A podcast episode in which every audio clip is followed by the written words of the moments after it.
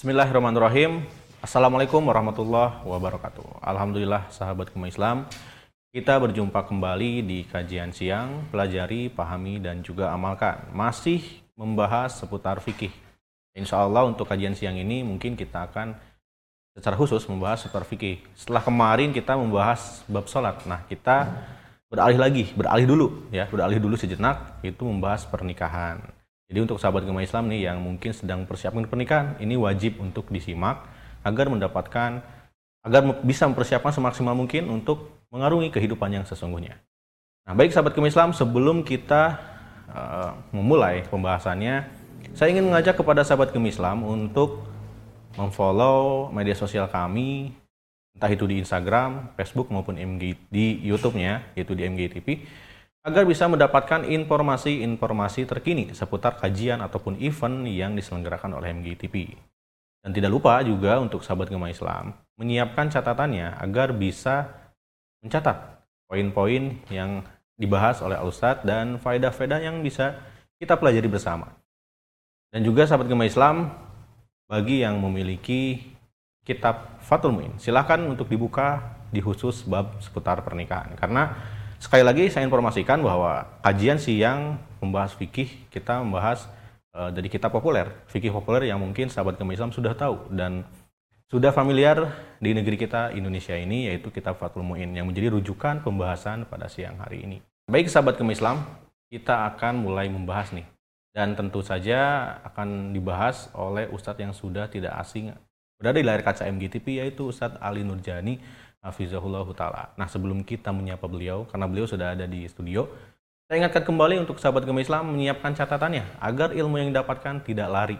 Ya, jadi catat dan ikat ilmunya dengan tulisan. Baik, kita terlebih dahulu sapa beliau yang sudah ada di studio. Baik, Assalamualaikum Ustaz. Assalamualaikum warahmatullahi wabarakatuh. Oke, uh, ini pembahasan setelah mukadimah kemarin ya Ustaz ya. Baik, nah. Oke. Nah, fikih seputar pernikahan Ustaz ini menarik karena memang kan setelah di bahas ketika pengenalan kita Fatul Mu'in, nah. kita sudah tahu bahwa fikih ini adalah sebagai penunjang kita dalam mengarungi kehidupan ini, Ustaz. Sahih. Nah. Terutama pernikahan. Tapi gini, Ustaz. Mungkin kenapa kita harus belajar fikih pernikahan? Apakah memang gini, mungkin banyak orang yang hanya tahunya sekedar yang penting cinta dan nah. saling suka, Ustaz. Sekarang kita ada aturan apa saja yang ada di fikih pernikahan ini? Karena kan fikih bisa bilang aturan agar kita tidak keluar dari koridor. Nah, silakan Ustaz. Baik. Bismillah. Salat wassalamu ala Rasulillah wa ala alihi wa sahbihi wa man tabi'ahum bi ihsanin ila yaumiddin amma ba'du. Ya ayyuhalladzina amanu taqullaha haqqa tuqatih wa la tamutunna illa wa antum muslimun. Ya ayyuhan nasu taqu rabbakum alladzi khalaqakum min nafsin wahidah wa khalaqa minha zawjaha wa batha minhuma rijalan katsiran wa nisaa'a wattaqullaha alladzi tasaaluna bihi wal arham. Innallaha kana 'alaikum raqiba. يا أيها الذين آمنوا اتقوا الله وقولوا قولا سديدا يصلح لكم أعمالكم ويغفر لكم ذنوبكم ومن يطع الله ورسوله فقد فاز فوزا عظيما أما بعد Alhamdulillah pada kesempatan siang yang berbahagia ini Allah Subhanahu wa taala kembali mempertemukan kita yang mudah-mudahan kita senantiasa berada di dalam limpahan nikmat dan rahmat Allah Subhanahu wa taala. Kemudian kita tidak lupa mengucapkan salawat dan salam kepada Nabi besar kita Nabi Muhammad sallallahu alaihi wasallam kepada keluarganya, sahabatnya, tabi'in, tabi'ut tabi'in dan kepada seluruh umatnya yang mutabah kepadanya sampai dengan hari kiamat. Para pemirsa yang dirahmati Allah Subhanahu wa taala, insyaallah pada kesempatan siang yang berbahagia ini kita akan membahas tentang bab yang sangat penting yang di mana ini merupakan bab yang telah dibahas oleh para ulama dari zaman ke zaman berdasarkan dalil-dalil daripada Al-Quran dan juga Sunnah Rasulullah Sallallahu Alaihi Wasallam. Dan sebagaimana tadi yang ditanyakan oleh Akhuna Riga, ya, di mana beliau menanyakan kenapa sih kita itu harus mempelajari tentang permasalahan nikah. Kenapa tidak hanya dengan mengandalkan rasa cinta kita kepada pasangan kita? Maka jawabannya permasalahan nikah ini merupakan perkara ibadah. Dan ibadah tidaklah sah kita di dalam melaksanakan ibadah tersebut kecuali apabila kita berlandaskan kepada dalil-dalil yang sahih baik itu dari Quran ataupun dari sunnah Rasulullah Sallallahu Alaihi Wasallam. Dan tentunya kalau kita lihat di dalam masalah fikih, ya, sebagaimana yang telah kita ketahui bahwa para ulama ini meletakkan kitabun nikah biasanya di pertengahan daripada kitab fikih. Dan sebagaimana muallif rahimahullahu taala, ya, Syekh Ahmad Zainuddin Al-Midibari Al-Fannani Asy-Syafi'i rahimahullahu taala dalam kitabnya Fathul Muin di mana beliau meletakkan kitab nikah setelah selesai membahas tentang ibadah, setelah selesai membahas tentang muamalah, kemudian setelahnya juga ada bab yang membahas tentang kitabul faraid, tentang masalah warisan, kemudian setelahnya beliau membahas tentang kitab an-nikah. Berarti ini menunjukkan nikah ini merupakan perkara yang sangat agung kedudukannya di dalam syariat Islam. Dan kita pun di dalam kehidupan kita, maka perkara yang sifatnya istimror, yaitu berkesinambungan adalah perkara yang berkaitan dengan masalah pernikahan. Kalau kita sholat, tatkala seseorang melaksanakan ibadah sholat, sehari kan hanya lima kali gitu. Itu pun hanya beberapa menit, setelah itu dia rehat. Tapi tatkala seseorang sudah menikah, maka ibadah ini akan terus dia bawa dan tidak akan pernah terputus sampai dia menghadap Allah Subhanahu wa taala. Jamaah yang dirahmati Allah Subhanahu wa taala, para pemirsa di mana pun berada, silahkan barangkali ada yang memiliki kitab Fathul Muin bisa dilihat di dalam bab an-nikah, bab yang membahas tentang an-nikah. Muallif rahimahullahu taala di mana beliau menyebutkan bahwa nikah ini merupakan perkara yang sangat penting di dalam agama Islam ini. Dan mu'alif rahimahullahu ta'ala, di mana beliau meletakkan kitab nikah ini sebagaimana tadi yang telah disebutkan setelah selesai membahas tentang ibadah, setelah selesai membahas tentang muamalah, setelah selesai membahas tentang faraid, kemudian nikah, kemudian yang terakhir nanti ada permasalahan yang berkaitan dengan dengan permasalahan jinayah. Dan nikah ini merupakan syariat qadimah, yaitu syariat yang Allah Subhanahu wa taala telah syariatkan kepada manusia pertama, yaitu Nabi Adam alaihissalam. Dan syariat nikah ini akan senantiasa terus ada bahkan setelah manusia ini masuk ke dalam surga. Jadi ini merupakan syariat yang berkesinambungan yang terus-menerus sampai dengan masuknya seseorang ke dalam surga Allah Subhanahu wa taala dalam surga Allah Subhanahu wa taala. Allah Subhanahu wa taala mensyariatkan nikah kepada Adam alaihissalam di mana beliau menikah dengan Hawa. Kemudian setelah itu syariat nikah terus sampai dengan manusia nanti yang terakhir.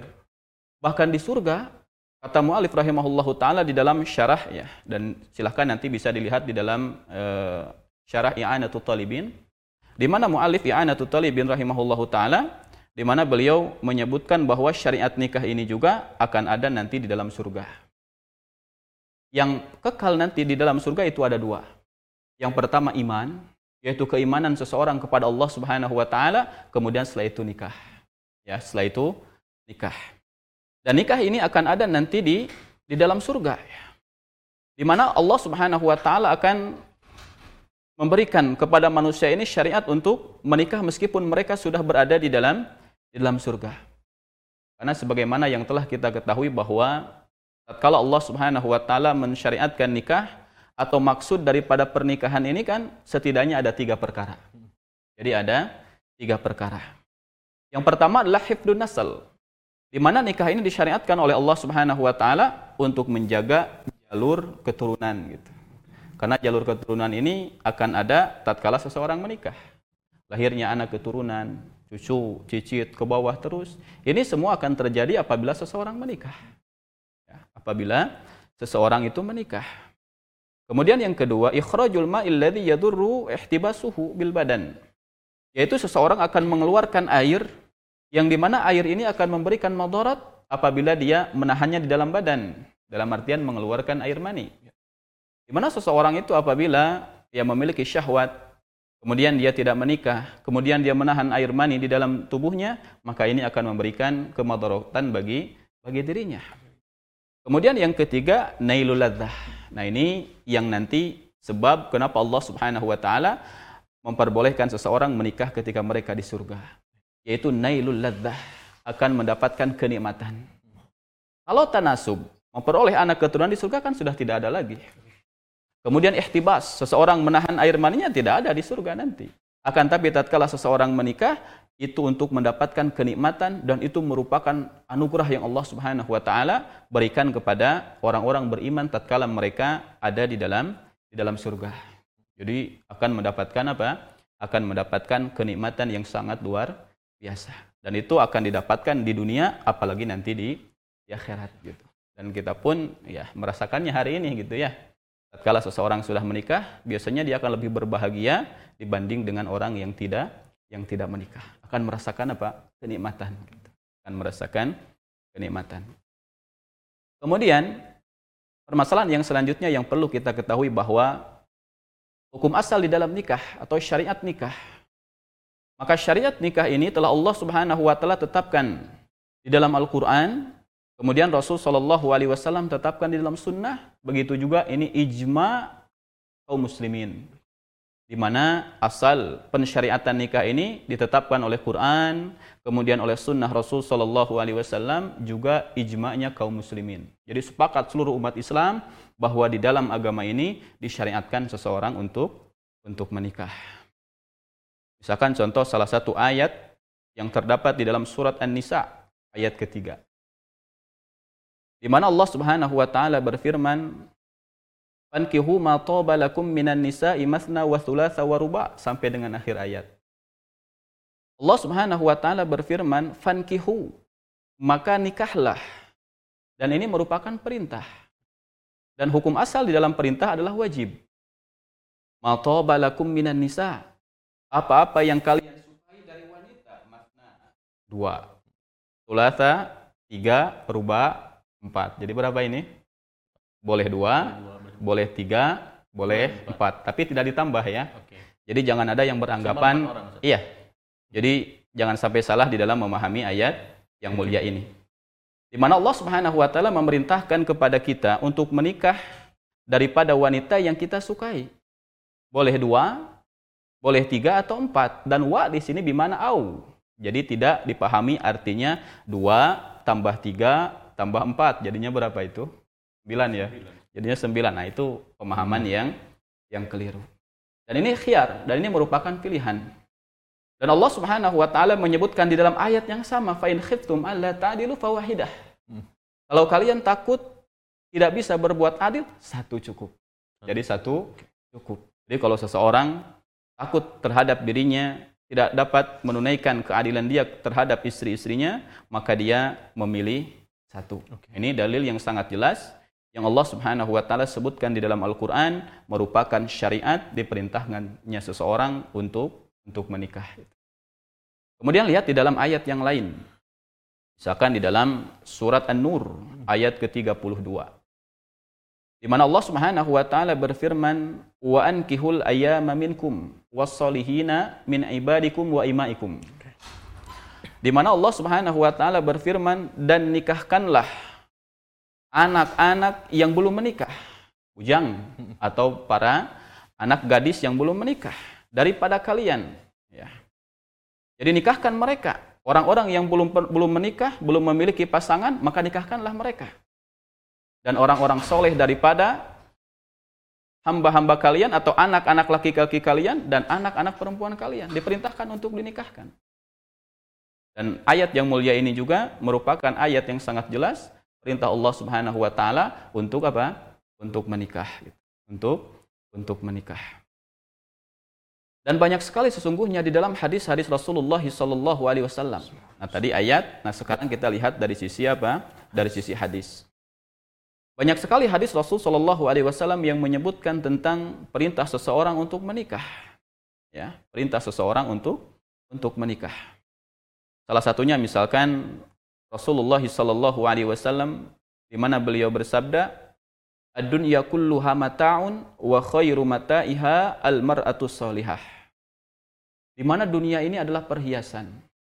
Dan sebaik-baik perhiasan dunia adalah istri yang salihah atau perempuan yang salihah. Dan seseorang tidak mungkin mendapatkan seorang istri yang salihah kecuali dengan jalur pernikahan. Dan ini juga dalil yang sangat jelas yang memerintahkan kepada kita untuk menikah. Kemudian di dalam riwayat yang lain Rasulullah Shallallahu Alaihi Wasallam beliau bersabda, ini hadis yang diterima dari sahabat yang mulia Abu Umamah radhiyallahu taala anhu. Di mana Rasul Shallallahu Alaihi Wasallam bersabda, "Mastafadal mu'minu ba'da taqwallahi khairan lahu min zaujatin salihah in amarha ata'athu wa in nadhara ilaiha sarrathu wa in aqsam 'alaiha abarrathu wa in ghaba anha nasuhathu fi nafsiha wa malihi." Di mana Rasul Shallallahu Alaihi Wasallam beliau bersabda, tidak ada perkara yang lebih bermanfaat bagi seorang mukmin setelah ketakwaan dia kepada Allah Subhanahu wa taala dibandingkan seorang istri yang solehah. Dan di mana seorang istri yang solehah ini merupakan nikmat yang paling besar yang Allah Subhanahu wa taala anugerahkan kepada seseorang setelah ketakwaan dan keimanan dia kepada Allah Subhanahu wa taala. Apabila engkau memerintahkannya, maka dia taat. Dan apabila engkau melihatnya, maka akan merasakan kegembiraan dalam hatimu. Cantik gitu, Hmm. indah dilihat. Kalau engkau melihatnya, maka subhanallah akan menjadikan mata ini indah, gitu, terasa indah. Dan apabila ya dia bersumpah, maka dia akan menunaikannya. Ini istri yang salehah. Dan apabila engkau meninggalkannya goib terhadapnya, maka dia akan menjaga dirinya dan juga akan menjaga hartamu. Istri yang amanah. Istri yang salihah. Istri yang apabila ditinggal oleh suaminya, suaminya berangkat untuk bekerja, suaminya berangkat keluar kota dan ke tempat-tempat yang lain, maka istri tersebut akan menjaga amanah, yaitu menjaga dirinya, kemudian menjaga harta yang dimiliki oleh oleh suami. Nah, ini juga dalil yang sangat jelas yang memerintahkan kepada kita bahwasanya kita diperintahkan oleh Rasul Shallallahu Alaihi Wasallam untuk untuk menikah. Kemudian dalil yang lain di mana Rasulullah Shallallahu Alaihi Wasallam beliau bersabda, ini hadisnya hadis Abdullah bin Mas'ud radhiyallahu taala anhu. Dan ini pilihan yang Rasul sebutkan kalau kita mau menikah harus seperti apa. Gitu. Jadi eh, misalkan suami ataupun istri yang seperti apa gitu. Karena kan problemnya sekarang antara cantik dan solehah. Nah, insya Allah kita akan akan itu, bahas ya. Ya, nah. Tapi sebelum sana Ustaz, ya, sebelum sana berarti poin terpentingnya ini adalah wajib ya untuk siapa pun untuk menikah. Ya. Wajib. Nah, seperti hal, eh, kembali ke flashback kemarin, seperti halnya sholat, ya kan? Sholat juga diwajibkan kemarin kan sama sama Nah. Ustadz Rizal Fadilah juga. Nah, tapi ada beberapa eh, uzur, ya kan? Uzur bukan sholat apa ya kemarin? Pokoknya oh, bukan sholat, Ustadz. Diralat bukan sholat. Tapi intinya gini Ustadz, saya lupa lagi Ustadz. Iya. Tapi intinya gini, itu wajib. Apakah ada eh, seseorang yang katakan tidak wajib untuk menikah? Ustadz? baik. Nanti insya Allah kita akan bahas. Akan tapi sebagai mukaddimah bahwa Mhm. hukum asal di dalam nikah adalah sunnah muakkadah. Oke. Hukum asalnya adalah sunnah yang posisinya hampir mendekati kepada kewajiban. Kewajiban. Akan tapi nanti hukum itu bisa berubah tergantung kepada keadaan orang tersebut. seseorang tersebut. Ya. Jadi itu ya Iya. mukadimahnya Nah. mungkin nanti dibahasnya Baik. dan eh, mungkin nanti pertanyaan selanjutnya setelah dilanjutkan Ustaz. Oh iya, taib. Masya Allah. Saya lanjutkan dulu ya. Baik Ustaz.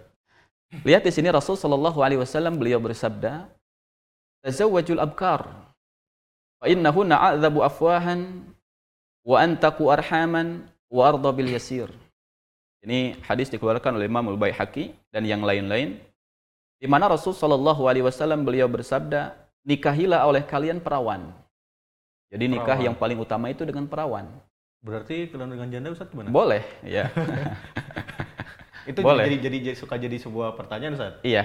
Jadi Sesungguhnya nanti kita akan bahas, tapi ini sebagai apa? Sebagai prolog, sebagai Hmm. mukadimah, Ya. biar nanti kita memiliki gambaran.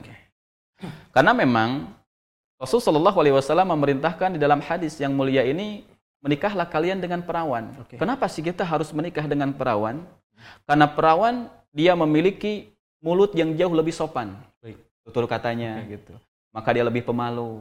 Kemudian bahasanya lebih mampu untuk dikendalikan, mampu untuk dijaga. Biasanya ini semua dimiliki oleh perawan. gitu Masih polos bahasanya. masih polos bahasanya. Dan kita lihat ya hari ini mungkin yang paling maaf ya bahasa Sundanya yang paling jorang itu kan Hmm. biasanya ibu-ibu yang sudah apa, yang sudah pada menikah gitu kan. Oke. Ya perawan itu memiliki sifat polos gitu.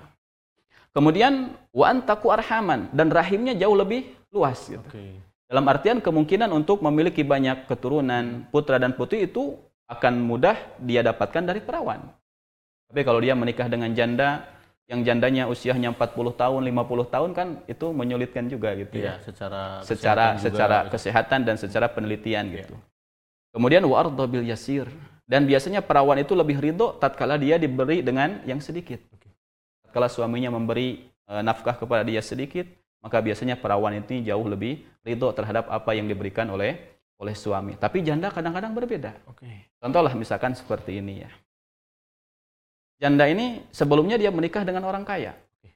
Dia diberi misalkan uang jajan sehari 500 ribu. Yep. Setelah itu dia berpisah, menikah lagi dengan laki-laki yang kedua. Kaget Ustaz. Qadarullah laki-laki yang kedua miskin dia. Dan kaget ya Ustaz. Ya kaget. Ya dia hanya mampu diberikan nafkah misalkan sehari hanya 25 ribu atau 50 ribu. Maka tidak akan ridho, sulit untuk ridho. Yang biasanya ketika Iya. suami sebelumnya skincare rajin ya Ustaz. Iya, sahih. Pas dia suami baru skincare agak berkurang. Iya, sahih. Nah, itu kan. Lebih seperti itu. Iya. Makanya yang paling utama adalah menikah dengan dengan perawan meskipun nanti tentunya kita akan bahas juga keutamaan tersendiri tatkala seseorang itu menikah dengan dengan apa? dengan janda ya. Tapi kemudian kita lanjut sekarang kepada apa sih nikah itu? Apa yang dimaksud dengan nikah? Nah, itu Ustaz. Ya. Karena terkadang kita itu masih bingung nikah itu apa sih? Gitu. Apakah hanya sekedar saya terima nikahnya? Iya, Terus apa sih namanya? Oh iya Ustaz, sebelum ke sana Ustaz, iya. Saya ingin ngasih disclaimer dulu ke sahabat Kema Islam bahwa eh, kemungkinan kalau misalnya agak ada sedikit bahasa yang agak vulgar, Iya. mungkin itu pembahasan dari kitab itu tersebut ya Ustaz ya. Karena mungkin pembahasan pernikahan ini eh, tidak hanya sekedar pas ijab kabul saja. Nah, Mungkin ya Ustaz ya. Jadi Sahih. akan eh, melebar ke mana-mana. Mungkin ketika misalkan sahabat Kema Islam mulai berpikir, loh kok bahasanya misalkan ada yang seperti seperti ini karena memang mungkin pembahasan di kitabnya seperti itu. Jadi Sahih. saya ngasih disclaimer dulu kepada sahabat yang di rumah, tidak perlu khawatir ya Ustaz ya. Karena itu bukan sesuatu hal yang tabu atau bagaimana bukan sesuatu yang aib. Baik. Inna Allah la yastahi anil haq. Allah tidak malu terhadap kebenaran. Dan fikih itu merupakan permasalahan yang tafsiriyah, permasalahan yang sangat terperinci. Seluruh kehidupan yang kita jalani di atas kehidupan dunia ini maka dibahas di dalam ilmu fikih. Dan kemarin pun kita telah mengetahui tentang yang dimaksud dengan fikih itu apa. Fikih adalah al-ilmu bi ahkami syar'iyyah at-tafsiliyah al-muktasab min adillatiha tafsiliyah kan gitu. Iya. Yang namanya fikih itu adalah ilmu tentang hukum-hukum syariat secara terperinci Harus yang ya, diperoleh Ustaz. daripada dalil-dalil yang terperinci. Jadi tatkala seseorang menikah, kemudian amal apa, perbuatan apa tatkala sesudah dia menikah, maka itu semua akan dibahas di dalam permasalahan permasalahan fikih. Dan ini sangat penting. Dan ini sangat penting. Dan ini pun yang biasa diajarkan oleh Rasulullah Shallallahu Alaihi Wasallam kepada para sahabat. Iya. Salah satu contoh misalkan, datang seorang sahabiat kepada Rasul Shallallahu Alaihi Wasallam, kemudian dia bertanya, ya Rasulullah, hal alal mar'ati guslun idah talamat? Yep. Wahai Rasulullah, apakah seorang wanita harus mandi tatkala dia mimpi basah? Oke. Ini seorang sahabiat yang mereka rasa malunya sangat tinggi. Gitu. Tapi itu semua tidak menghalangi mereka untuk bertanya terhadap permasalahan-permasalahan yang bermanfaat bagi mereka. Oke. Maka Rasul Shallallahu Alaihi Wasallam menjawab, Naam in ro'atil ma. Ya, apabila wanita tersebut melihat keluarnya air mani. Ini permasalahan yang sangat penting. Dan nanti akan lahir hukum. Karena seseorang apabila tidak mengetahui hukumnya, maka tatkala ibadah dia akan salah. Baik. Salah satu contoh misalkan, tatkala kita mau melaksanakan sholat, tapi dia tidak tahu kalau seseorang keluar mani, ternyata itu membatalkan wudhu, bahkan dia harus mandi besar. Dia tidak mandi karena tidak tahu, berarti otomatis nanti sholatnya pun tidak akan Tidak akan sah. sah. Dan ini harus dipelajari di dalam permasalahan fikih ini. Jadi untuk sahabat Kema Islam jangan aneh kalau misalkan Ya. ada sedikit lah, sedikit ya mungkin ya Ustaz ya. Nah. Dan sebagiannya mungkin kita akan eh, ke- apa ya namanya? diperhalus ya Ustaz ya bahasa Nah. mungkin ya. Nah, jadi untuk sahabat Kema Islam jangan aneh. Nah, baik Ustaz, kita lanjutkan. Itu tadi disclaimer untuk sahabat Kema Islam. Takutnya kaget Ustaz. Iya. Takutnya kayak mungkin memang sekarang nggak terlalu menjurus ke ke mana-mana untuk Iya. itu ke perkenalan nikah itu apa. Nah itu Ustaz, nikah itu apa sih sebenarnya? Apakah hanya ijab kabul, terus menjalani rumah tangga, ngasih nafkah dan sebagainya, atau seperti apa Ustaz? Lanjut aja tuh. Nah, nikahul lughatan ad-dhammu wal ijtima'. Nikah itu secara bahasa yaitu ad-dhammu, yaitu bergabung wal ijtima' dan bersatu. Itu nikah secara secara bahasa. Hmm. Dan ini disebutkan oleh para ulama ahlul lughah. Oke. Jadi kalau kita lihat kembali kepada kamus-kamus lughah yang dimaksud dengan nikah yakni ad-dhammu wal ijtima', yaitu bergabung dan juga ber, bersatu. Hmm. Makanya tatkala seseorang mengatakan tanah kahatil asyjar, yakni pohon saling menikah. Apa yang dimaksud di sini? Yaitu idza tamayalat wan dhamma ba'daha ila ba'din. Hmm. Apabila pohon itu saling condong satu dengan yang lain, kemudian akhirnya menyatu, maka ini dinamakan pohon menikah gitu. Pohon menikah. Iya, dalam artian apabila ada dua pohon, kemudian saling condong satu dengan yang lain, kemudian bersatu, maka dinamakan di dalam bahasa Arab tanah kahatil asyjar, pohon saling menikah, maksudnya saling ber, bersatu. Nah, itu definisi secara apa? Secara secara bahasa. Dan para ulama menyebutkan kalafdud nikah, ya. Tatkala seseorang mengucapkan kalimat an-nikah, Apakah kalimat nikah ini hakikatun fil aqdi majazun fil wat'i? Apakah tatkala seseorang sekarang mengucapkan nikah, apakah kalimat nikah itu hakikatnya akad, Akad. saya Ya. terima nikahnya, atau hakikatnya adalah al-wat'u, yakni jima? Mm-mm. Nah, ini mana yang yang lebih kuat dari sisi bahasa gitu. Jadi kalau ada seseorang mengatakan saya mau nikah, apa maksudnya? Maksudnya apakah akad atau mau jima? Jima gitu. saja. Iya. Nah ini perkara juga yang perlu kita apa? Yang perlu kita ketahui. Hmm.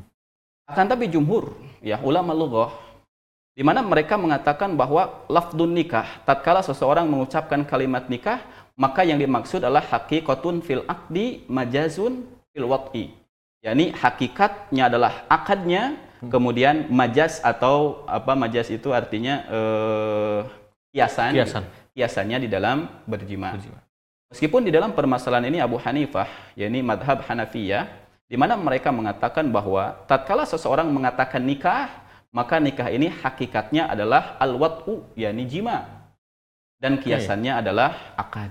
Hmm. Akan tetapi, ala kulli hal, meskipun di dalam permasalahan ini terjadi khilaf di kalangan para ulama, akan tapi ya konsekuensi di dalam seseorang menikah pasti akhirnya akan ada akad dan juga setelahnya apa? jima. Jadi ini tidak ada permasalahan sesungguhnya di dalam permasalahan ini. Akan tapi yang paling bijak ya yang disebutkan oleh para ulama di dalam di dalam masalah ini ya. Sebagaimana yang dikatakan oleh Abu Faris rahimahullahu taala beliau salah satu ulama ahlul lughah di mana beliau mengatakan secara urf atau secara kebiasaan orang Arab tatkala mengatakan nikah ini bisa kita rincikan. Tatkala seseorang mengatakan ya nakah tu fulanah saya menikah dengan fulanah dengan si fulanah. Saya menikah dengan si ini saya menikah dengan si itu. Maka yang dimaksud di sini adalah akad. Akad. Makanya tadi tatkala Allah Subhanahu wa taala menyebutkan di dalam Al-Qur'an fankihu ma balakum maka nikahilah wanita yang kau sukai maksudnya adalah akad ya maksudnya adalah akad nah kan tapi tatkala seseorang mengatakan e, nakaha imro'atahu. Dia menikah dengan istrinya. Dia menikah dengan e, perempuannya. Dia menikah dengan istrinya. Nah, maka yang dimaksud di sini adalah al-wat'u atau jima. Jadi kalau antum mengatakan kepada istri antum, "Mah, ayo kita nikah," maksudnya adalah jima gitu. Oke. Tapi kalau orang yang belum menikah, bujangan, kemudian dia mengatakan kepada si fulana, saya ingin menikah dengan si fulana, dengan si fulana disebutkan namanya, maka yang dimaksud di sini adalah akad Berarti kondisional pernikahan. Nah, kondisional dan tergantung kepada kondisi orang yang orang yang mengucapkan tersebut. Orang yang mengucapkan tersebut. Dan ini juga yang disebutkan oleh eh, Al-Muallif Ahmad Zainuddin ya, Al-Milibari Al-Fannani Asy-Syafi'i rahimahullahu taala di mana beliau menyebutkan bahwa ya hakikat di dalam lafaz nikah ini adalah akad dan majas adalah al-wat'u yakni kiasannya adalah berjima. Nah, ini secara bahasa apa yang dimaksud dengan dengan nikah. Mungkin bisa dibilang kode Ustaz kalau yang udah sama istri mah. Iya. Mah nikah yuk gitu. Nah. Itu kode ya Ustaz. Iya, seperti itu. Oke. Nah, dan ini ini penting ya dari segi Iya, iya. bahasa ya. Dari sisi bahasa. Meskipun kita ya di Indonesia mungkin tidak mengucapkan dengan kalimat itu ya. Hmm. Akan tapi takutnya nanti ada yang mengatakan kalimat dengan nikah atau bahasa kita maaf kawin gitu ya. Maka yang dimaksud adalah yang demikian. Hmm. Wasyar'an. Dan nikah secara istilah syariat. Yani abdun yatadammanu ibahata wat'in bilafdi inkahin atau tazwijin. Sedangkan nikah secara hukum syara yaitu akad yang terkandung di dalamnya perbolehan untuk menjima dengan lafad nikah atau kawin. Mm-mm. Ya, dengan lafaz nikah atau kawin. Nah, ini yang disebutkan oleh muallif rahimahullahu taala di dalam kitab Fathul Muin. Jadi yang dimaksud dengan nikah secara istilah syariat adalah akad. Berarti adanya ijab dan Ijab kabul. ijab dan qabul. Yatadammanu ibahata wat'in. Yang di dalam ijab dan qabul ini terkandung pembolehan untuk berjima. Jadi wato itu adalah jima itu. Kalau bahasa kita wati. Hmm. Maaf ini mungkin kalau ada eh, para pemirsa yang dirahmati Allah Yang- Subhanahu wa taala yang namanya wati. ya, tapi ini kita tinjau dari sisi apa? Sisi bahasa. Bilaf diinkah dengan lafad inkah au tazwij atau tazwij. Jadi nikah dan kawin. Ini lafad yang harus diucapkan tatkala terjadinya ijab dan kabul dan tidak boleh diganti dengan lafad yang lain. Oke. Kalau di dalam bahasa kita saya terima nikahnya dan kawinnya. Kawinnya. Nah, seperti itu. Dan ini pun yang dipegang oleh uh, madhab syafi'iyah. Tidak boleh seseorang apabila dia ingin diperbolehkan dan dihalalkan bagi dia untuk menjima perempuan, kemudian dia mengganti lafadznya dengan lafadz yang lain. Misalkan saya beli si fulana, itu tidak sah dan tidak boleh. Atau dia mengatakan saya sewa si fulana dengan mahar se- Oke. seperti ini, itu tidak boleh dan tidak sah. Karena akad tatkala seseorang ijab dan kabul itu harus dengan lafad inkah atau tazwij, dengan lafad nikah atau tazwij. Di dalam terjemahan bahasa Indonesia yang paling tepat wallahu alam yaitu nikah dan dan kawin. Dan kawin. Ya. Maka ini yang disebutkan oleh muallif rahimahullahu taala. Wa huwa haqiqatun fil aqdi majazun fil wat'i. Dan nikah ini adalah hakikatnya akad. Ya, sebagaimana tadi yang telah disebutkan dan majaz atau kiasannya adalah ber, berjima. Nah, ini yang disebutkan oleh muallif rahimahullahu taala. Kemudian muallif rahimahullahu taala beliau mengatakan sunnah litaiqin hadirin. Dan nikah ini disunahkan bagi orang yang muhtaj. Taik artinya muhtaj. Bagi orang yang membutuhkan qadir dan mampu. Butuh dan Butuh mampu. dan mampu. Nah ini perkara yang harus kita pahami dan harus kita ketahui. Jadi jangan sampai karena ada keinginan kemudian kita langsung saja nikah tanpa melihat apa yang telah dibahas oleh para ulama di dalam masalah ini. Mungkin tepatnya gini mungkin Ustaz. Ingin atau siap ya Ustaz? Ya, seperti Oke. itu. Nah. Tapi sunnah litaiqin qadirin. Kemudian disunahkan bagi orang yang menginginkan yang butuh dan juga orang yang mampu. Kemudian muallif rahimahullahu taala beliau menjelaskan sunnah ayin nikah litaiqin ay muhtajin lil wat'i wa inishtaghala bil ibadah. Di mana nikah ini disunahkan bagi orang yang butuh untuk berjima. Ada keinginan dia untuk berjima. Berarti kalau misalkan gini, saya pengen nikah Ustaz. Iya. Karena pengen jima misalnya. Iya. Itu boleh hal seperti itu. Ya seperti itu, disunahkan.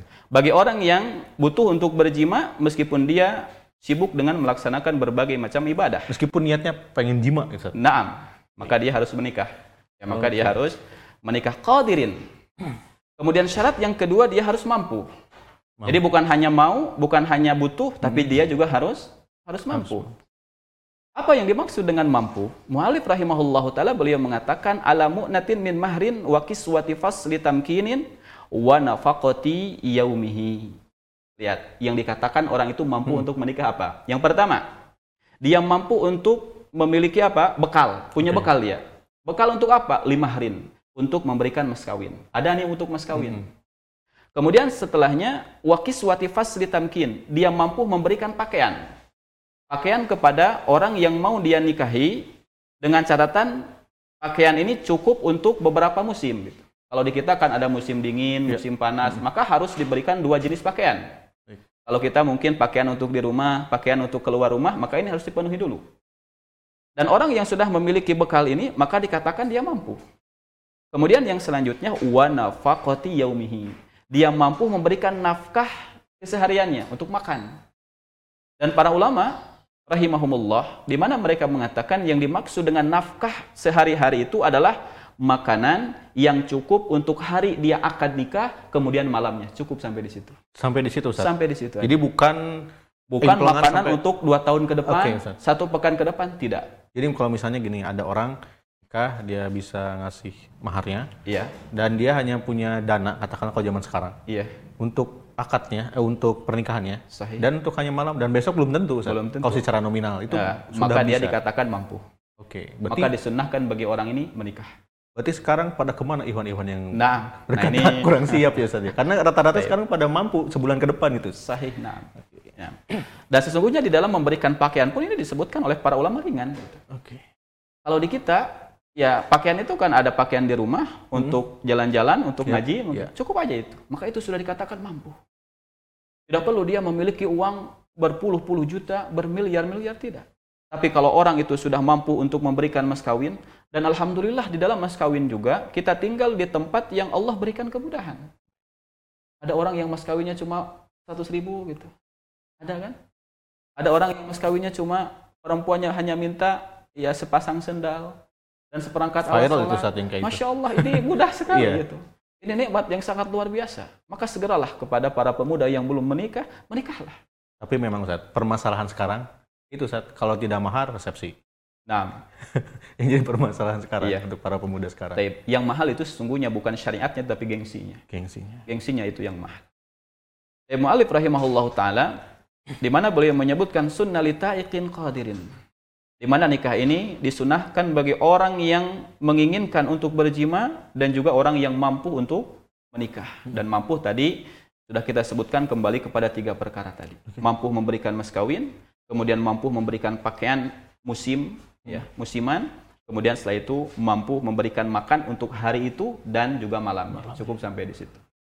Nah, kan tapi tentunya bahwa hukum menikah ini bisa berbeda-beda tergantung kepada manusia itu sendiri. Baik. Dan para ulama menyebutkan bahwa hukum asal di dalam menikah itu adalah sunnatun muakkadah. Jadi sunnah muakkadah. Dan para ulama ya di dalam kitab-kitab yang lain dan disebutkan juga di dalam kitab I'anatul Talibin tentang keadaan manusia di dalam menikah. Yang pertama, ada kelompok manusia yang dikatakan sunnah bagi dia untuk menikah. Siapakah mereka? Mereka adalah orang yang ada keinginan untuk berjima. Kemudian dia mampu dalam artian memiliki bekal. Ya. Dalam artian dia memiliki bekal. Itu berarti hukumnya apa? Sunnah. Sunnah. Kemudian yang kedua, ada orang yang ada keinginan, ya, ada keinginan untuk menikah, tapi dia tidak memiliki bekal. Ada keinginan yang menikah, Hmm. tapi tidak memiliki bekal. Oh, Maka para ulama menyebutkan hukumnya makruh bagi orang yang seperti ini. oh, zaman sekarang mungkin belum bekerja Ustaz, Belum bahasanya. Tidak memiliki penghasilan. Dan tatkala dia menikah ditakutkan istrinya tidak terpenuhi kebutuhan-kebutuhannya. Maka yang seperti ini hukum nikahnya adalah Makruh. makruh. Ustaz, tapi nggak kuat gimana ini? Nah, itu kita. Syahwatnya sudah Nah, itu menggebu-gebu. Ustaz. Apalagi Maka- fitnah perempuan sudah Apalagi menyebar. fitnah Ustaz. perempuan sangat luar biasa. Maka solusinya yang pertama dia adalah saum. Meskipun tetap nggak bisa Ustaz. saum. Kalau tetap dia sudah saum, tapi qadarullah masih syahwatnya menggebu-gebu Iya. karena makanannya mungkin sehari-harinya nasi goreng Nasi gitu. goreng, Ya, daging sehingga- ayam gitu. Iya, iya.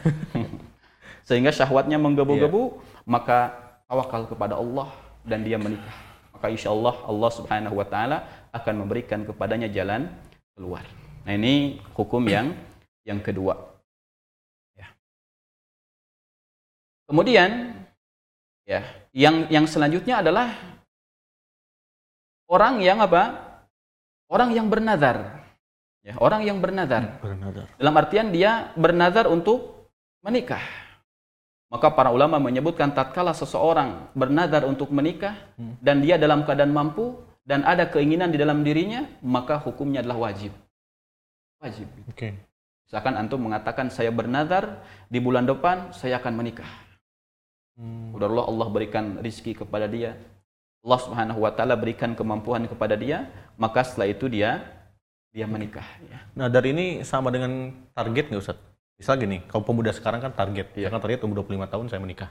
Itu sama nggak Ustaz? Oh, Masuk beda. nadar? Beda. Oh, Kalau kan? nadar nanti ada hukum tersendiri. Oke. Dan nanti insya Allah mungkin dibahas oleh ustadz yang lain di dalam hukum nadar. Dan Oke. nadar itu ada sigohnya, Hmm. lafadznya. Kemudian bagaimana ketika seseorang itu bernadar, maka itu ada eh, permasalahan dan hukum tersendiri dalam masalah ini. Oke. Tapi saya tidak akan membahas tentang Baik Ustaz. masalah itu.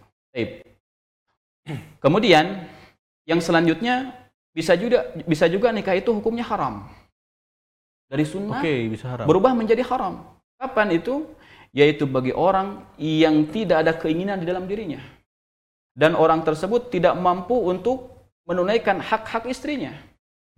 Contohnya seperti apa, Ustaz? Orang itu tidak mampu atau orang itu memiliki penyakit yang di mana apabila dia menikah akan memberikan madarat kepada istrinya. Mungkin maaf hari ini orang yang impoten gitu ya. Atau orang yang memiliki penyakit AIDS, penyakit menular. Atau orang itu yang sakit-sakitan. Yang apabila dia menikah, dia akan memberikan madarat kepada istrinya. Dan penyakit ini menular. Maka orang yang demikian, maka haram bagi dia untuk menikah. Haram bagi dia untuk untuk menikah. Karena Rasulullah Sallallahu Alaihi Wasallam la darara wala dirar. Beliau bersabda, tidak boleh memadaratkan diri sendiri dan memadaratkan kepada orang lain, tidak boleh. Jadi para pemirsa yang dirahmati Allah Subhanahu wa taala, ternyata hukum menikah ini bisa berubah tergantung ke dalam kondisi dan keadaan orang tersebut. Kondisional hukum asalnya adalah sunnah, tapi bisa jadi boleh, mubah, bisa jadi makruh, kemudian bisa juga menjadi haram Berarti- dan juga bisa menjadi wajib sesuai dengan keadaan orang tersebut. Berarti kembali lagi kondisional, Ustaz. kondisional. Nah, Ada kasus di mana sekarang, Ustaz? Ya. Eh, Seorang laki-laki dia bekerja katakanlah pendapatan cukup lah untuk sebulan. Bahkan dia bisa membiayai diri sendiri, nah, menabung dan sebagainya. Dia sudah ada rasa ingin menikah. nah. Ada di lingkungan kita banyak Ustaz yang seperti itu. Terus nah. tapi keluarganya Ustaz yang eh, mematok kriteria. Sekalipun Nah. si laki-lakinya ini apa sih namanya? Biasa aja lah kriterianya. Katakanlah sudah berilmu lah memilih perempuan yang seperti apa. Tapi keluarganya dan dia berat dengan keluarganya sampai akhirnya tidak menikah menikah Ustaz. Kira-kira jika ada salah satu sahabat gemi Islam yang mungkin dalam keadaan kondisi seperti itu itu bagaimana? Ustaz? Nah ini problematika yang Ya.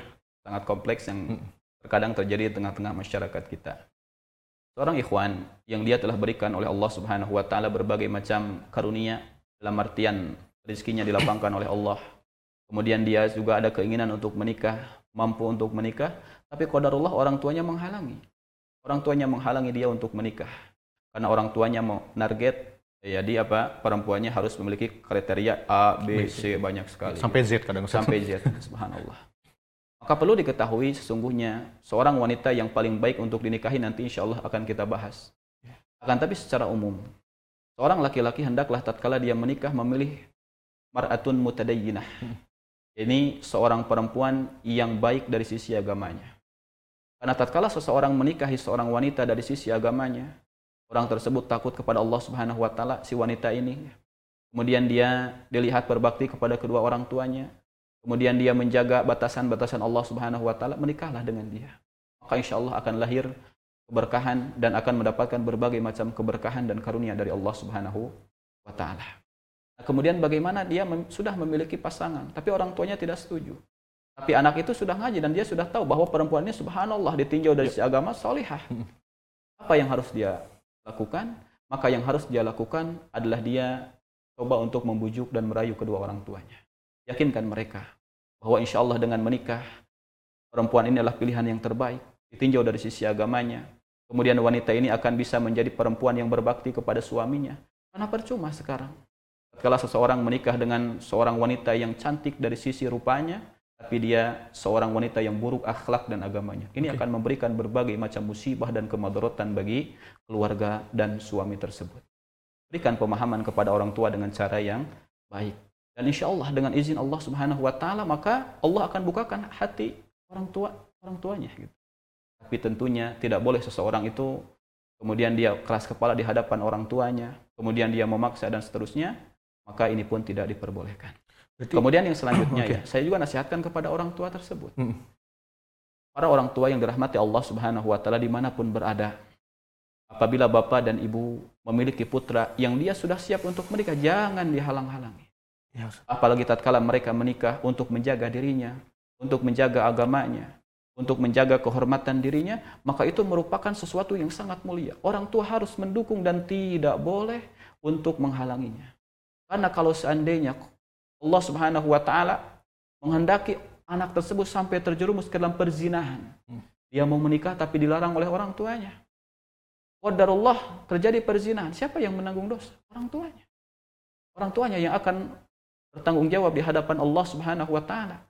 Kenapa demikian? Karena dia yang melarang anaknya untuk menikah. Anaknya yang paling tahu terhadap kebutuhan dirinya. Baik. Dia sudah ingin menikah, kemudian syahwatnya sudah menggebu-gebu, dia pun sudah mampu, dan ada akhwat yang siap menikah dengannya, kelas, fadol, izinkan dia untuk menikah. Masalah ke depan A, B, C, dan seterusnya. Masalah rizki dan yang lain-lain, masalah karir dan yang lain-lain, ingat Allah yang akan menjamin. Allah menyebutkan di dalam Al-Quran, ini yakunu fuqara yugnihimullahu min fadlih. Kalau mereka dalam keadaan miskin, Allah yang akan berikan kekayaan kepada mereka. Wa may yattaqillaha yaj'al lahu makhraja wa yarzuqhu min haitsu la yahtasib.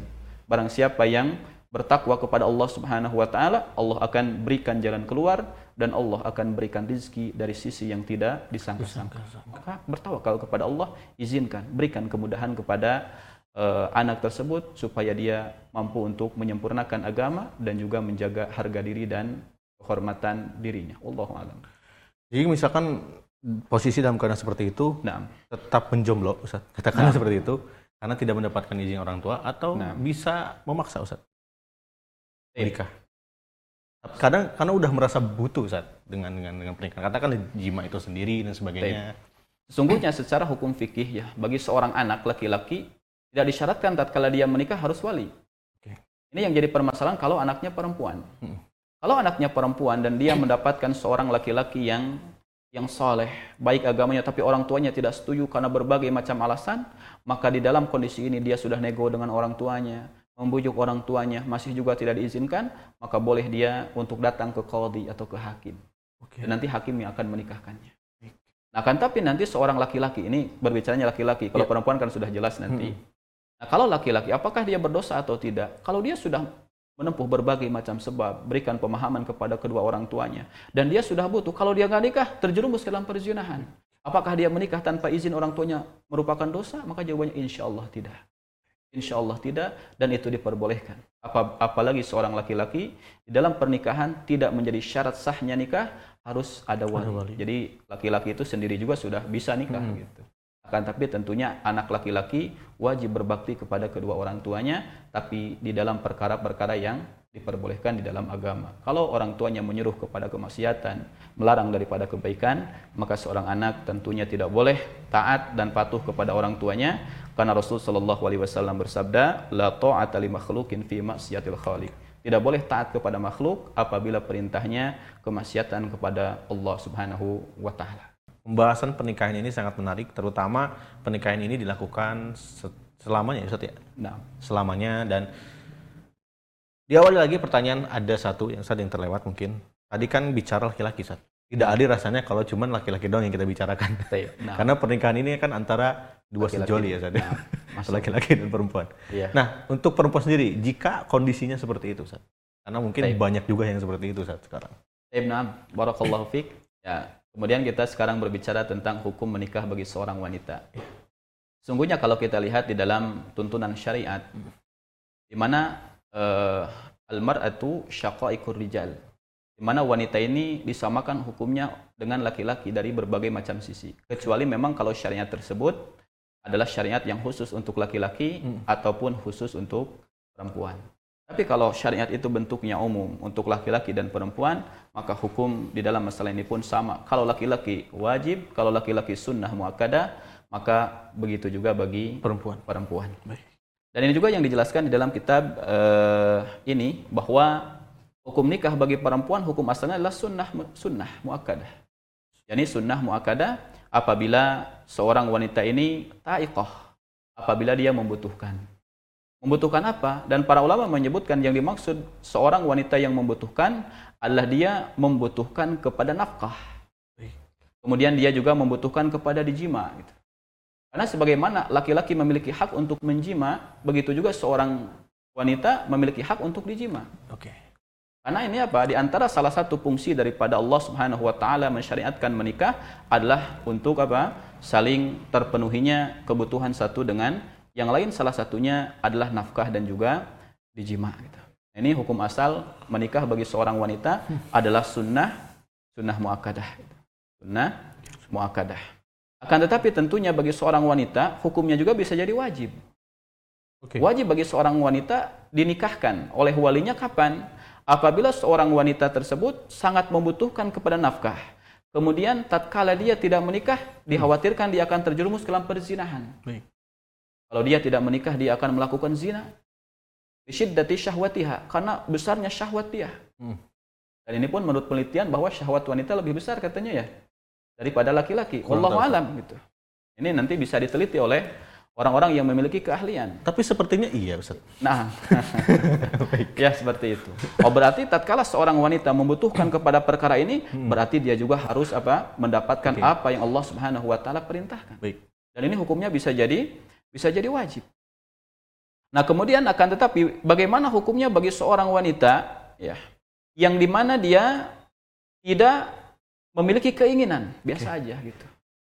Kemudian dia pun tidak membutuhkan kepada nafkah. Hmm. Kemudian dia pun ya tidak takut dirinya akan terjerumus ke dalam menikah. Maka para ulama menyebutkan kalau kondisinya seperti ini, maka makruh bagi dia untuk menikah. Makruh. Karena dia tidak butuh. Oke. Ditakutkan tatkala dia apa? Tatkala dia menikah, maka akan dilalaikan hak-haknya suami. Ah, saya nggak mau dengan ini.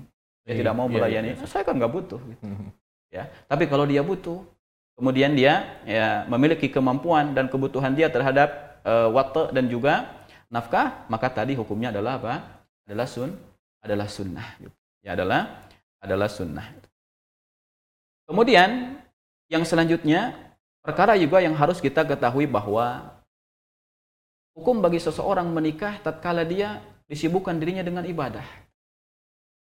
Tadi hukum bagi wanita itu sama dengan yang laki-laki. Hukumnya bisa berubah-ubah tergantung kondisi dan dan keadaan. Tapi hukum asalnya adalah sunnah muakadah bagi laki-laki dan juga bagi perempuan. Nah kemudian sekarang bagaimana kalau orang yang disibukkan dengan menuntut ilmu atau beribadah kepada Allah Subhanahu wa taala? Di dalam kitab Fathul Mu'in, Mu'alif rahimahullahu taala beliau mengatakan bahwa sunnah ay an nikah litaikin ay muhtajin lil wat'i wa ini ishtaghala bil ibadah. Di mana mu'alif rahimahullahu taala beliau menyebutkan sunnah menikah bagi orang yang butuh meskipun dia sibuk dengan ibadah. Baik. Ya, meskipun dia sibuk dengan dengan ibadah. Dan para ulama juga telah menyebutkan tatkala seseorang menyibukkan dirinya dengan ibadah, kalau dia butuh terhadap nikah, kemudian dia mampu untuk Hmm. menikah, maka disunahkan bagi dia untuk untuk menikah. Oke. Disunahkan bagi dia untuk untuk menikah. Akan tapi kalau dia mampu untuk menikah, tapi dia tidak butuh, saya lebih baik belajar. Maka sebagian ulama menyebutkan wallahu alam, maka lebih utama bagi dia untuk beribadah kepada Allah Subhanahu wa taala. Meskipun tentunya sebagian para ulama yang lain menyebutkan bahwa yang paling utama bagi dia tetap menikah. Karena nikah ini merupakan ibadah. Bahkan Rasulullah Shallallahu alaihi wasallam beliau bersabda, "Man tazawwaja faqad istakmala nisfa dinihi." Barang siapa yang menikah, maka dia telah menyempurnakan setengah daripada agamanya. Jadi yang namanya ibadah itu bukan hanya sholat saja. Oke. Ibadah itu bukan hanya saum saja, tapi bagian daripada ibadah adalah apa? Nikah. Bahkan Rasul Shallallahu Alaihi Wasallam beliau menyebutkan, wa fi bud'i ahadikum sadaqah. Di dalam daging-daging kalian, kemaluan-kemaluan kalian ada sedekah. Para ulama menyebutkan ini adalah ibadah yang nikmat. Sudah nikmat, berpahala juga. Oke. Benar, Sudah nikmat, berpahala juga dan subhanallah. Orang yang paling merugi adalah orang yang meninggalkan nikah. Baik. Dan ini pun pernah terjadi di zaman Rasulullah Wasallam, di mana datang tiga orang laki-laki kepada Rasul Sallallahu Alaihi Wasallam. Kemudian mereka datang ke rumah Rasul, tapi Rasul didapatkan tidak ada. Kemudian mereka bertanya kepada Rasul Sallallahu Alaihi Wasallam bagaimana ibadahnya Rasulullah Sallallahu Alaihi Wasallam. Kemudian Aisyah radhiyallahu taala beliau menjawab, Rasul itu kalau beliau sholat sampai kakinya bengkak-bengkak. Bengkak-bengkak. Bagaimana sholatnya Rasul, Hmm. bagaimana saumnya Rasul, Hmm. Bagaimana berbagai macam ibadahnya Rasul. Diceritakan kepada tiga orang ini. Kemudian mereka berkata, ini Nabi. Yang Allah subhanahu wa ta'ala telah ampunkan baginya dosa-dosa dia yang telah lalu dan dosa yang akan datang. Tapi ternyata ibadahnya seperti ini. Kemudian salah satu dari yang tiga itu mereka mengatakan, wa amma ana fala Eh, kemudian dia mengatakan, ya salah satu daripada yang tiga ini, adapun saya, saya akan melaksanakan qiyamul lail dan tidak akan pernah tidur. Selamanya, Selamanya. selamanya. Kemudian yang kedua, Amma ana fa'asumu wala uftir. Adapun aku akan saum dan tidak akan pernah buka. Setiap Hmm. hari ingin saum. Kemudian yang ketiga, amma ana fala uzawwijun nisa. Adapun aku maka tidak akan pernah menikah dengan wanita. Oke. Ini ibadah luar biasa. Mereka ingin memfokuskan dirinya untuk beribadah kepada Allah Subhanahu wa taala. Kemudian sampailah berita ini kepada Rasul Shallallahu alaihi wasallam. Tatkala Rasul datang dan Rasul langsung mendatangi mereka. Kemudian Rasul Shallallahu alaihi wasallam bersabda, Sesungguhnya saya ini adalah orang yang ahsyakum lillah lillah. Saya ini adalah manusia yang paling takut kepada Allah dan orang yang paling takwa kepada Allah. Siapa orang yang paling takut kepada Allah? Rasulullah. Siapa orang yang paling takwa kepada Allah? Maka Rasul Shallallahu alaihi wasallam. Kemudian Rasul menyebutkan amma ana adapun saya saya pun melaksanakan sholat malam dan tidur. Kemudian Rasul pun saum dan ber, berbuka. Dan Rasul Shallallahu Alaihi Wasallam pun menikah dengan wanita, dengan istri beliau. Kemudian Rasul Shallallahu Alaihi Wasallam bersabda, "Faman rogiba an sunnati falaisa minni." Dan siapa yang tidak suka dengan sunnahku, maka bukan bagian daripada umat. Rasul Shallallahu Alaihi Wasallam adalah manusia yang paling baik ibadahnya di sisi Allah. Tapi beliau menikah, punya istri. Yep. Rasul Shallallahu Alaihi Wasallam manusia yang paling sempurna ibadahnya, tapi beliau tidur dan beliau pun sholat malam. Beliau pun saum dan beliau pun berbuka. Maka itulah merupakan perkara yang Allah Subhanahu Wa Taala perintahkan juga kepada kita hari ini. Jadi jangan sampai di antara kita dengan kesibukan bekerja, dengan kesibukan berbakti kepada kedua orang tua, dengan kesibukan kita menuntut ilmu, beribadah kepada Allah Subhanahu Wa Taala, sampai akhirnya kita meninggalkan menikah. Dan nikah itu bagian daripada ibadah, bahkan nikah itu setengah daripada agama ini. Fal yattaqillaha fi nisfil baqi. Maka bertakwalah kepada Allah Subhanahu wa taala di setengah yang lain. Jadi di dalam masalah ini disunnahkan untuk menikah bagi orang yang menyibukkan dirinya dengan ibadah apabila ada keinginan kemudian dia mampu untuk untuk menikah dan ini yang disebutkan oleh muallif rahimahullahu taala di dalam kitab Fathul Muin. Baik Ustaz, tadi juga Ustaz menyinggung orang tua Ustaz. Nah. Sedikit saja sebelum kita membuka pertanyaan. Satu pertanyaan sepertinya nanti Nah, dan ada sudah masuk. Eh orang tua, misalnya ada sebuah keadaan di mana seorang laki-laki, kita bicara laki-laki lagi, nah, dia tidak menikah-menikah nah. Eh, karena rasa takut dia akan berbakti kepada orang itu berkurang Ustaz Nah. menikah. Itu bagaimana Ustaz? Bagi orang yang berbakti kepada kedua orang tua, kemudian dia menunda menikah karena dia takut kalau menikah akan mengurangi perbaktian dia kepada kedua orang tua, maka jawabannya carilah wanita yang solihah. Oke. Maka carilah wanita yang solihah. Maka insya Allah tatkala orang tersebut memilih wanita yang solihah, maka bukan berkurang perbaktian dia kepada kedua orang tua, bahkan justru akan lebih. Oke. Seorang wanita yang solihah, maka kalau dia sebelum menikah mungkin yang mengurus orang tuanya hanya satu orang. Hmm. Dia punya istri, nambah lagi satu orang. Baik. Maka itu subhanallah. Jadi jangan kita jadikan alasan karena perbaktian kita kepada kedua orang tua kita sehingga kita tidak tidak menikah.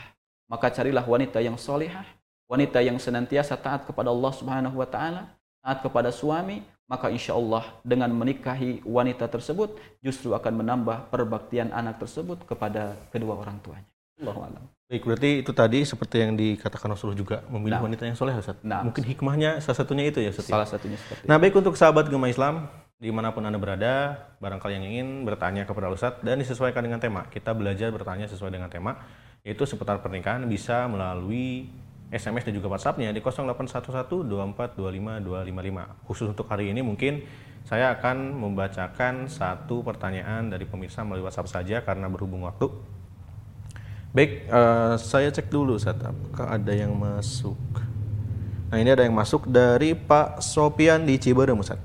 Nah. Assalamualaikum warahmatullahi wabarakatuh. Assalamualaikum. Ustadz mau tanya Ustadz, apakah disyariatkan kalau kita mau menikah, kita harus menghitbahnya terlebih dahulu? Terima kasih Ustadz. Wassalamualaikum warahmatullahi Baik. Barakallah untuk Bapak Sofyan di Ciberem. Ya. Apakah disyariatkan bagi kita sebelum menikah khitbah? Maka jawabannya iya. Oke. Maka jawabannya iya. Khitbah ini merupakan syariat yang Allah Subhanahu wa taala dan Rasulnya syariatkan kepada orang-orang yang mau menikah. Adapun tentang bagaimana cara khitbah yang sesuai dengan syariat, maka insya Allah ada pembahasan secara tersendiri. Akan tapi kalau ditanya apakah ini bagian daripada syariat, maka jawabannya iya. Dan Rasul Shallallahu Alaihi Wasallam, ya, beliau pun mengatakan kepada Al-Mughirah bin Syu'bah di mana beliau ingin menikahi seorang wanita dan beliau tidak mengkhidbah terlebih dahulu dan tidak melihat terlebih dahulu, nazar dulu tidak gitu. Tapi langsung ingin menikah. Ditanyakan oleh Rasul sallallahu alaihi wasallam, "Ala tantur ilaiha?" Apakah engkau pernah melihatnya? Dia mengatakan tidak. Kemudian Rasul sallallahu alaihi wasallam memerintahkan untuk melihat dia terlebih dahulu, maka supaya tidak terjadi penyesalan di kemudian hari. Karena betapa banyak orang yang menyesal tatkala dia menikah karena sebelumnya salah, tidak khidbah terlebih dahulu, tidak datang terlebih dahulu, kemudian tidak nazar terlebih dahulu, sehingga setelah pernikahan yang ada adalah berbagai macam penyesalan gitu. Apalagi mungkin sekarang hari ini ya sebagian daripada kaum muslimin dia hanya mencukupkan melihat wanita itu dari sisi ya fotonya saja gitu, mm -hmm. tidak melihat aslinya. Yep. Karena kan foto dengan asli kadang-kadang berbeda. Gitu. Apalagi ada aplikasi filter. Apalagi ada aplikasi gitu. Lihat di foto, masya Allah cantik gitu. Yeah. Pas lihat aslinya, Astagfirullahaladzim. Nah itu jangan sampai terjadi. Jadi khidbah sungguhnya disyariatkan di dalam Islam, tapi untuk pembahasannya nanti insya Allah kita akan bahas pada pertemuan-pertemuan yang akan datang. Insya Allah Ta'ala. Nah. Baik, terima kasih jawabannya. Dan untuk sahabat kemi Islam, kami mohon maaf ya pertanyaan mungkin sampai situ ya Ustaz, karena nah. waktu berhubung waktu sudah mendekati asar. Nah, terakhir Ustaz, sambil Ustaz memberikan kesimpulan dan nasihat, uh, singkat saja, yang bisa melihat seseorang itu siap nikah atau tidak, diri kita sendiri atau orang lain Ustaz? Ibn Am. Para pemirsa yang dirahmati Allah Subhanahu wa taala, kullun ya'rifu bi nafsihi. Setiap seseorang itu yang paling mengetahui tentang dirinya sendiri. Jadi yang harus dijadikan patokan di dalam masalah ini bukan apa yang dikatakan oleh orang, akan tapi apa yang kita rasakan dan apa yang kita ketahui. Karena terkadang orang itu tidak mengetahui tentang apa yang ada dalam diri kita. Menurut orang bahwa engkau itu belum ingin untuk menikah, tapi orang itu tahu dalam dirinya dia sudah ada syahwat, keinginan untuk menikah, maka dia yang paling tahu. Gitu. Begitu juga tentang kemampuan. Gitu. Meskipun terkadang dianggap oleh sebagian manusia engkau ini belum mampu karena A, B, C dan seterusnya, tapi orang itu yakin bahwa dia sudah mampu, maka laksanakan. Karena yang menjadi ibroh di dalam masalah ini adalah apa yang dia rasakan dan apa yang dia ketahui. Karena yang akan menjalani bahtera di rumah tangga bukan orang lain. Bukan orang lain, bukan tetangganya, bukan karib kerabatnya, tapi dirinya sendiri dan dialah yang paling mengetahui tentang kebutuhan dirinya. Maka hendaklah seseorang tatkala dia merasakan butuh untuk menikah dan merasa mampu untuk menikah, maka itulah yang menjadi patokan dia, maka laksanakanlah pernikahan tersebut dan insyaallah taala Allah Subhanahu wa taala akan memberikan berbagai macam kemudahan dari berbagai macam sisi. Seperti itu. Baik, terima kasih Ustaz atas apa ya penjelasan seputar pernikahan nah. pada hari ini dan saya izin untuk menutup Ustaz. Baik, Baik. Sahabat kemi Islam, pembahasan seputar pernikahan ya sudah selesai untuk hari ini. Jadi sahabat kemi Islam bisa mengikuti lagi di pekan depan. Ya seperti yang kita tahu di zaman ini ada begitu banyak godaan di sana sini di, di bagian depan, di belakang, di kanan dan di kiri. Bahkan fitnah-fitnah perempuan juga menyebar ya bagaikan anak panah dan juga sahabat gemah Islam sekarang juga terlebih banyaknya perempuan-perempuan yang lebih senang mengeluar, mengeluarkan atau memperlihatkan betisnya sehingga para bujang atau para laki-laki yang belum menikah tergoda. Nah, solusinya adalah dengan puasa. Bagaimana ketika sudah puasa tetap tidak bisa menahannya?